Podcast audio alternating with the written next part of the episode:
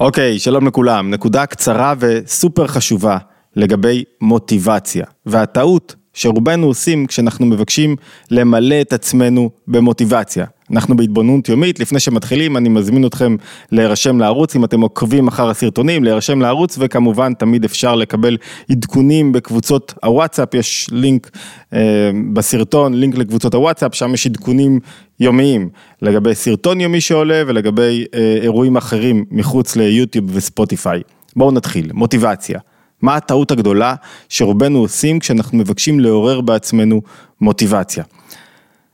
כדי לעמוד על הטעות הזאת, אני רוצה רגע להיכנס לאחת הסוגיות החשובות והמשמעותיות בספרות החסידות והקבלה, ונעשה אותה בקצרה ובהכללה, וננסה להבין מה, מה הבעיה הגדולה עם האופן שבו אנחנו מבקשים לפעמים לעורר בעצמנו מוטיבציה. אחת הסוגיות החשובות היא, מה צריך להקדים, האור או הכלי? למה הכוונה? מה הכוונה מה צריך להקדים האור או הכלי? מה הם אורות? אורות הם כוחות בנפש שרוצים להתגלות, רוצים לבוא לידי ביטוי. מה הם כלים? כלים הם כוחות בנפש שיודעים לצמצם את האורות ולהביא את האורות לידי ביטוי, לגילוי נכון. אור חזק מדי, זה פרו, כמו פרוג'קטור גדול מדי, שהוא אני לא מנצל את האור שלו, כי אני לא מצליח לנצל את האור שלו, כי הוא אור חזק מדי, אור חזק בנפש, למשל, יכול להיות רגש שמשתלט עליי, ומונע מכוחות אחרים בנפש לבוא לידי ביטוי. לכן המשימה החשובה ביותר, בגילוי הרמוני של כוחות הנפש, הוא להביא את האורות בתוך הכלים. זאת אומרת שהאורות והכלים יסתדרו, יתגלו בצורה הרמונית נכונה, שהאורות לא יהיו חזקים מדי, והכלים ידעו לצמצם את האורות, להביא אותם לידי ביטוי ומימוש בצורה נכונה. זאת אומרת, הכלי הוא כוח צמצום, כוח מיקוד, כוח הכוונה, כוח שגם מסתיר חלק מהדברים. לכן, הכלים חשובים, אבל מה באמת חשוב? מה שחשוב באמת זה האורות. מה זה האורות? אורות זה המוטיבציה שלי, זה מה שמניע אותי, זה מה שדוחף אותי. האורות הם העיקר. אורות זה כוח, זה הכוחות בנפש שרוצים להתגלות. אני אגיד במאמר מוסגר, שכל הכוחות בנפש, יש להם היבט של אור והיבט של כלי. כל כוח בנפש יודע להתגלות בשני ההיבטים הללו. למשל, כוח החוכמה שלי בנפש יודע להתגלות גם בהיבט של אור. מה זאת אומרת אור? החוכמה, תפסתי איזה רעיון, מה זה חוכמה? העיר בי איזה נקודה, משהו הבזיק לי, וואו, נגע בי איזה... משהו קלטתי. עכשיו, באמצעות ההערה הזאת אני הולך להזין את הכוחות האחרים שלי, בעיקר את כוח הבינה, כדי לפתח את הרעיון ועכשיו להתחיל להשתמש בו ולהרחיב אותו ואחרי זה להשפיע עליי רגשית, אבל האור, החוכמה שימשה כאור כדי להזין את שאר כוחות הנפש. החוכמה היא גם כלי. כלי למה? כלי לאורות אינסופיים שיש, אור אינסוף שיש, תובנות אינסופיות שיש בעולם, מרחבים אינסופיים של הבנה, תובנות, עומקים, חדשנות, שאני צריך רגע להכניס בתוכי, לקלוט ולהכניס בתוכי על ידי זה שאני מצטמצם וקלטתי משהו. זה כמו ברק שהבריק באמצע הלילה, הבריק ופתאום הוא נתן לי תמונת מצב, איזה רעיון ראשוני, עכשיו אני הולך לאבד אותו. זאת אומרת, אם אני חוזר לנקודה שלנו, נקודת החוכמה יכולה להיות גם אור וגם כלי, כך כל כוח בנפש יכול להיות גם אור וגם כלי. והסוגיה הגדולה שלנו היא מה צריך להקדים, הכלי או האור. האורות הם חשובים. למה האורות חשובים? כי האורות הם מה שדוחפים אותי קדימה, הם מה שמאירים לי את הדרך. זאת אומרת, בלי שנקודת החוכמה, אם נשאר בדוגמה שלנו, תביא איזה הברקה, אז, אז אין לי מה להעיר. אבל אמרנו שקודם כל נקודת החוכמה הייתה כלי. כדי לקבל את ההברקה הזאת היא הייתה חייבת להיות כלי. מה הכוונה? הרבה פעמים רובנו מחפשים את המוטיבציה שלנו בתחום האורות. מה הכוונה בתחום האורות? אני שואל, מה המשמעות שלי? האם אני משפיע? עד כמה הדבר הזה נכון? מה האהבה? מהי אהבה? מה יניע אותי? זה בא לי טוב? זה לא בא לי טוב? זה מרגש אותי? זה לא מרגש אותי? הדיון בספרות החסידות נחתם בכך שהכלים מקדימים את האורות. זאת אומרת, עיקר המעלה היא באור, אבל הכלי חייב להקדים את האור. ומה זאת אומרת הכלי חייב להקדים את האור? הכלי כשלעצמו, אין בו, הוא לא העיקר, זאת אומרת, אם תקומו, תצטרפו למועדון חמש בבוקר, תקומו בחמש בבוקר כל יום, ו- ו- ותתחילו את יום העבודה שלכם, לא תהיו מיוחדים, לא תפרצו גבולות, לא בטוח שתצליחו לעשות דברים יוצאי דופן, אבל הכנתם כלי.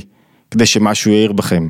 אם אתם כל יום תהיו חרוצים מאוד, אנשים חרוצים לא מתעשרים, אנשים חרוצים לא בהכרח מצליחים. כן, אדם מצליח צריך שתהיה בו תכונת החריצות, אבל החריצות, ההשכמה המוקדמת, הם רק הכלי כדי לגלות את האור.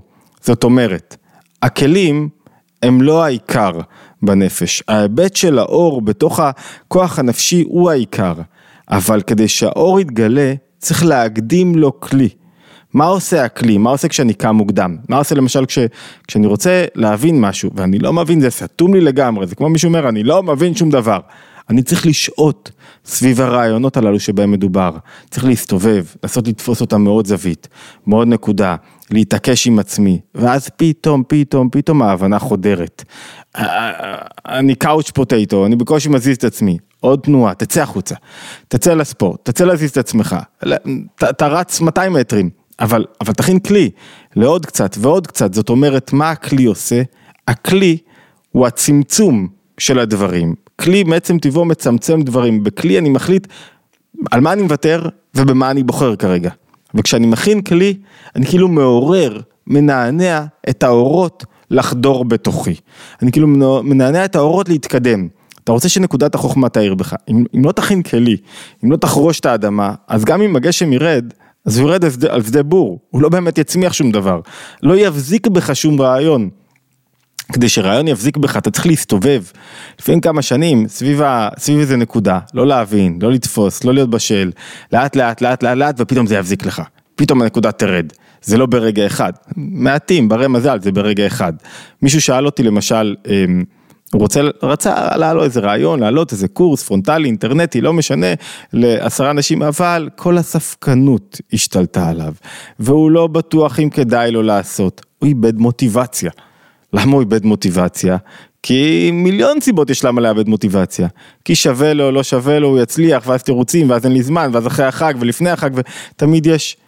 אם הוא מקדים את הכלי לאור, זאת אומרת, הוא קובע תאריך שבו הוא יבצע את הסדנה, קובע זמנים, קובע את המתודות שבהם הוא יפרסם אותה.